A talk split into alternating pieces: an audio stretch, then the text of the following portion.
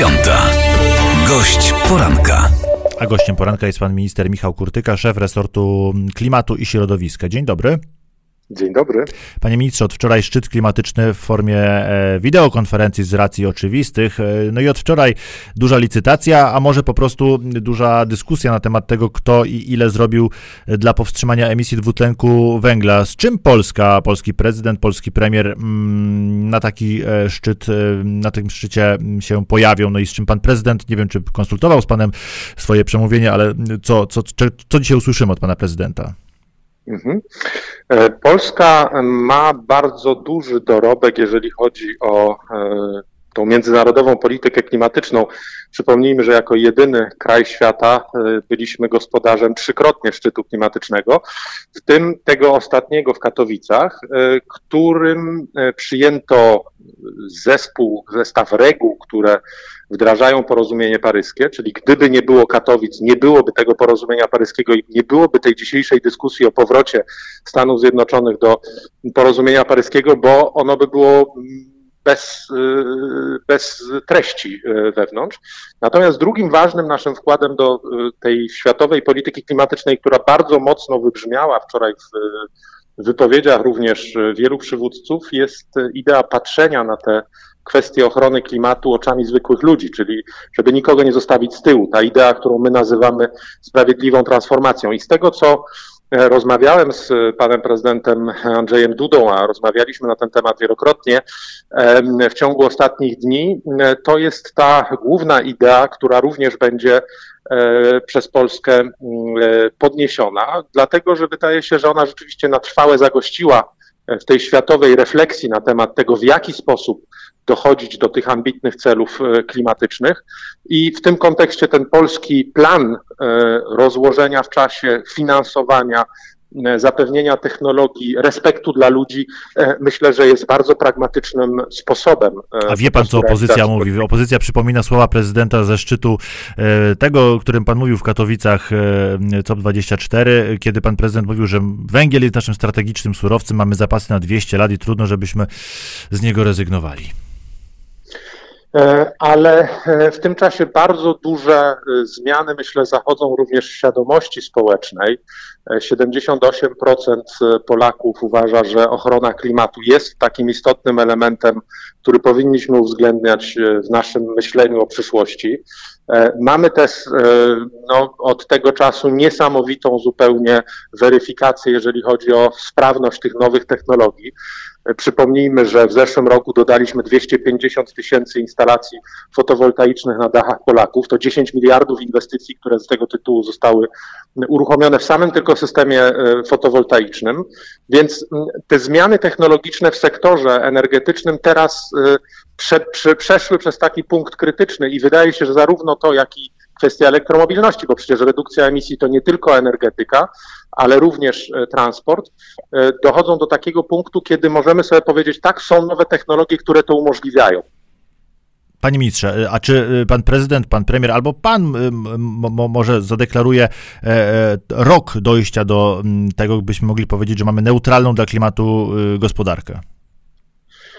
Jako Unia Europejska, przypomnijmy, że jesteśmy pierwszym kontynentem, który e, poparł ideę i przyjął cel neutralności klimatycznej do 2050 roku. I tu Polska e... też twardo mówi tak.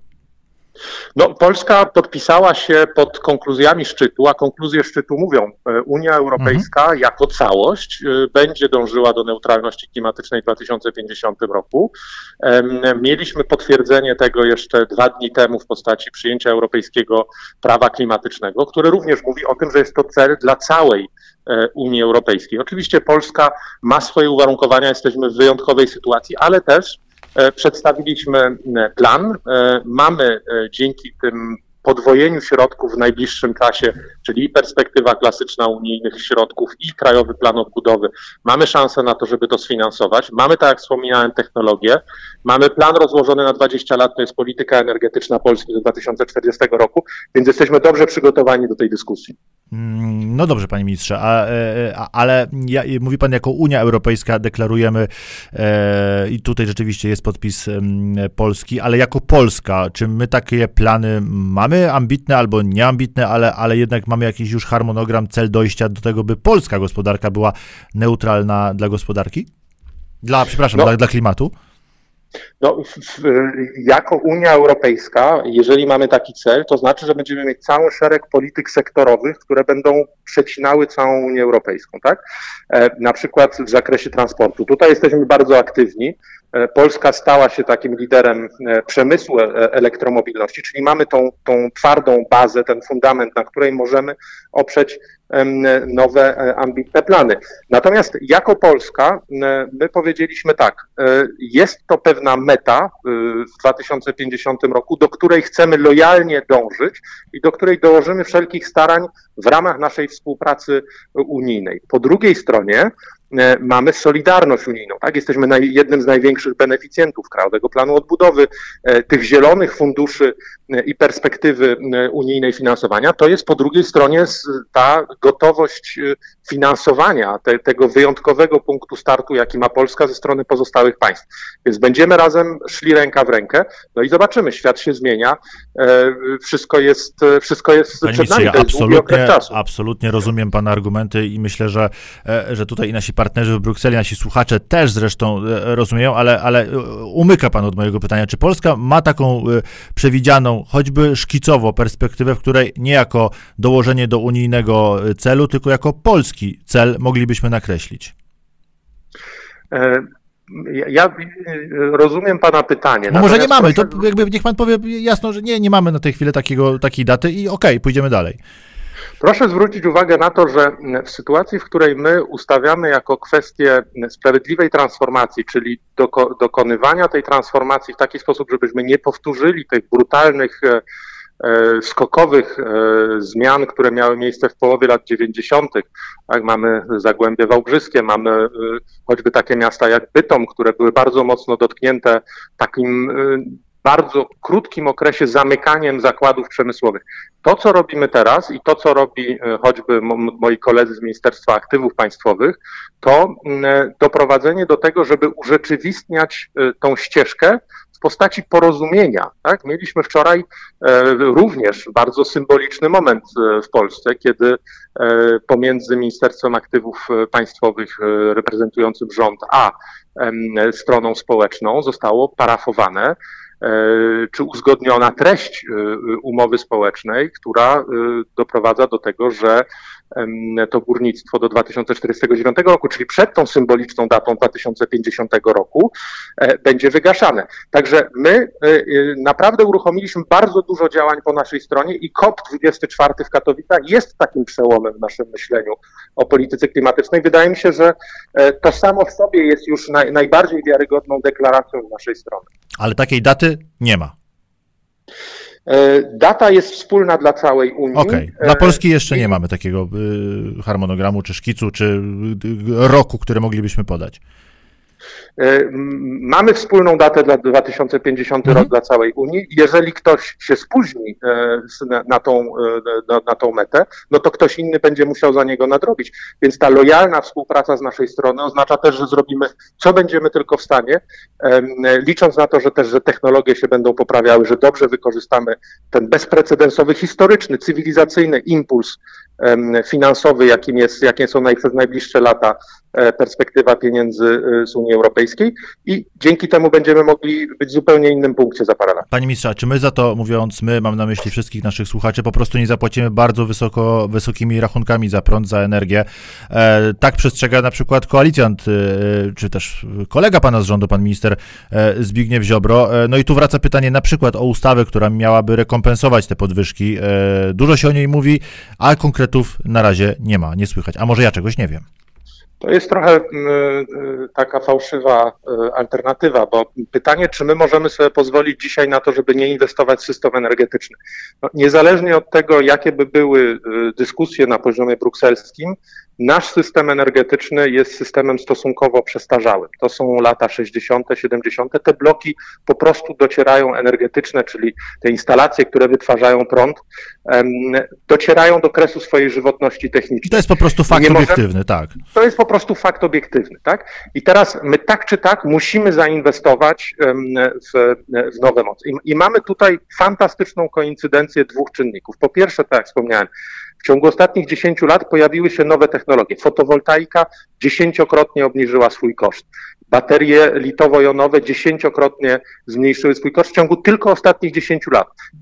Więc mamy nowe technologie i po drugiej stronie mamy finanse. Musimy skorzystać z tego i stąd dać sobie pewien plan. Stąd konieczność przyjęcia przez rząd, został przyjęty e, polityka energetyczna Polski, taki plan, e, i rozłożenie w czasie przez 20 lat to jest potężny system, jego zmiana nie dzieje się w ciągu dnia, kwartału, ani nawet kilku lat. To są inwestycje zarówno po stronie wytwarzania energii, ale pamiętajmy, że to są również inwestycje po stronie sieci dystrybucyjnych, ale również w, termomodernizację budynków, również w system transportowy. No jakbyśmy sobie powiedzieli, nie inwestujmy, to znaczy, że co, przez najbliższe 20 lat będziemy jeździć tym samym samochodem, co dzisiaj, nie wyremontujemy e, naszego domu i będziemy e, opierać się na blokach ciepłowniczych i energetycznych z 60 roku. No nie. W związku z tym musimy zainwestować inwestować, zróbmy to mądrze, zróbmy to w sposób zaplanowany. Ale czy krótko, krótkoterminowo, panie ministrze, czy, czy my po prostu nie zapłacimy wysokich cen, bo do, jak pan pewnie czyta uważniej prasę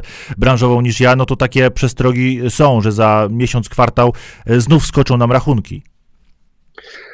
E, musimy dać jak największe e, instrumentarium tym, którzy są gotowi do tego, żeby energię oszczędzać. Mamy 457 tysięcy gospodarstw domowych, które zdecydowało się w Polsce zainstalować fotowoltaikę. Można ich zapytać, jak zmieniły się w związku z tym ich rachunki e, za energię elektryczną. W grudniu 2015 roku było tych gospodarstw domowych 4 tysiące.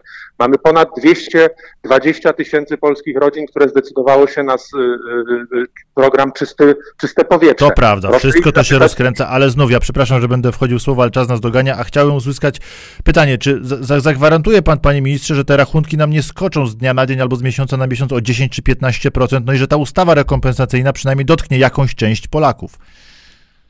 E, to, nad czym my pracujemy, to są rozwiązania dla e, tej najbardziej wrażliwej części e, polskiego społeczeństwa. Ale tutaj znowu, w ciągu ostatnich kilku lat nastąpiło ograniczenie ubóstwa energetycznego, czyli tego, co my nazywamy ubóstwem energetycznym. To jest zjawisko, które jest, spadło, a nie zwiększyło się wbrew temu, co można by wyczytać e, z takich kasandrycznych e, opowieści. Natomiast my się przygotowujemy na to i w połowie roku resort klimatu i środowiska przedstawi takie rozwiązania, które będą umożliwiały najuboższym e, po prostu ochronę przed, przed cenami energii. A najuboższym dla, to znaczy 2% Polaków, 4, 10, bo to wie pan, no to jest... To jest bardzo dobre pytanie. Dzisiaj, żeby panu dać rząd wielkości, takie są wskaźniki nie, nie, nie do końca y, pewne, y, w sensie nie, nie, one są nie, mm, niesformalizowane. My je chcemy sformalizować w ustawie, ale mówi się, że mniej więcej 10 lat temu 10% Polaków było w takiej y, zakresie ubóstwa energetycznego. Dzisiaj mówi się, że to jest raczej w okolicach 6, stąd mówię, że ten spadek i zwłaszcza przez ostatnie lata był bardzo istotny, czyli mówimy o kilku procentach polskich, polskich rodzin. Rozumiem. E, panie ministrze, to jeszcze jedna sprawa. Czy inwestycje w e, elektrownię atomową będziemy mogli sfinansować z pieniędzy unijnych? To znaczy, nie wiem, czy e, dobrze teraz zadam to pytanie, czy nieco zbyt kolokwialnie albo laicko, ale czy Bruksela jest już przekonana do tego, że atom jest bezemisyjnym źródłem energii i będzie traktowana inwestycja w elektrownię atomową jako, no właśnie, próbę transformacji energetycznej ku gospodarce bezemisyjnej? No, tutaj zadaje Pan dwa pytania w jednym. E, no, odpowiem najpierw na to mhm. drugie. Rzeczywiście toczy się na poziomie e, Unii Europejskiej dyskusja na temat tego, które strumienie finansowania uzyskają taki status y, zielonego finansowania, tak? dzięki czemu będą wykazywane przez firmy, przez banki, będą w inny sposób do nich podchodziły fundusze publiczne. E, I tutaj ku naszemu zaskoczeniu trwa taka dyskusja w Unii, że zeroemisyjne źródło, jakim jest atom, miałoby nie być takim zielonym źródłem. To nie jest dyskusja, która myślę pomaga w realizacji celów klimatycznych we wspólnocie. Natomiast to jest jedna dyskusja. Druga dyskusja to jest ta, w jaki sposób my zamierzamy sfinansować nasz program jądrowy. E, przypomnijmy, że e, tutaj e, takim strategicznym wyborem, na który się decydujemy, to jest partnerstwo międzynarodowe. Dzisiaj bardzo trudno jest mówić o tym, że tak zaawansowaną technologię jak energetyka jądrowa można robić w pojedynkę i również chcemy, żeby finansowanie tego programu było w ramach takiego partnerstwa. Mamy podpisaną umowę zresztą ze Stanami Zjednoczonymi. Myślę, że prezydent Andrzej Duda również przypomni to, czy podkreśli na szczycie organizowanym przecież przez e, nowego prezydenta Stanów Zjednoczonych Bidena, że takie porozumienie pomiędzy Polską i Ameryką jest. E, i że e, w ramach niego e, mamy 16 jeszcze miesięcy na znalezienie rozwiązania dla technologii i dla finansowania. To ostatnia sprawa, panie ministrze, chociaż to znów temat rzeka i wypadałoby pana zaprosić na godzinną dyskusję, a nie kwadrans rozmowy. Przedstawiciele samorządów Zrzeszeni w Unii Metropolii Polskich apelują do ministra klimatu, czyli do pana, by nie wprowadzać zmian w systemie gospodarowania odpadami, odpadami bez konsultacji z nimi. Protestują, by przeci, protestują przeciwko planom zmiany ustawy, by gminy miały dopłacać do śmieci. Dlaczego my w Warszawie płacimy coraz więcej za wywóz śmieci i czy to się może zmienić i czy pan, panie ministrze, ma na to jakąś receptę? E, przede wszystkim wymienił Pan jednego z graczy, natomiast te rozmowy toczą to się z, z, wiel, z, wieloma e, innymi. Toczą się na łamach Komisji Wspólnej Rządu i Samorządu i tutaj mamy bardzo wiele różnych głosów, bo samorządy mają świadomość, że pewnego typu wskaźniki, na przykład te oparte o zużycie wody, chwilami doprowadzały do absurdów, tak? W momencie, kiedy starsza osoba, nie wiem, miała e, na przykład e, jakiś problem z, cieknącym kranem, czy też e, woda była wykorzystywana do innych celów, no to te rachunki skakały w sposób, w sposób absurdalny.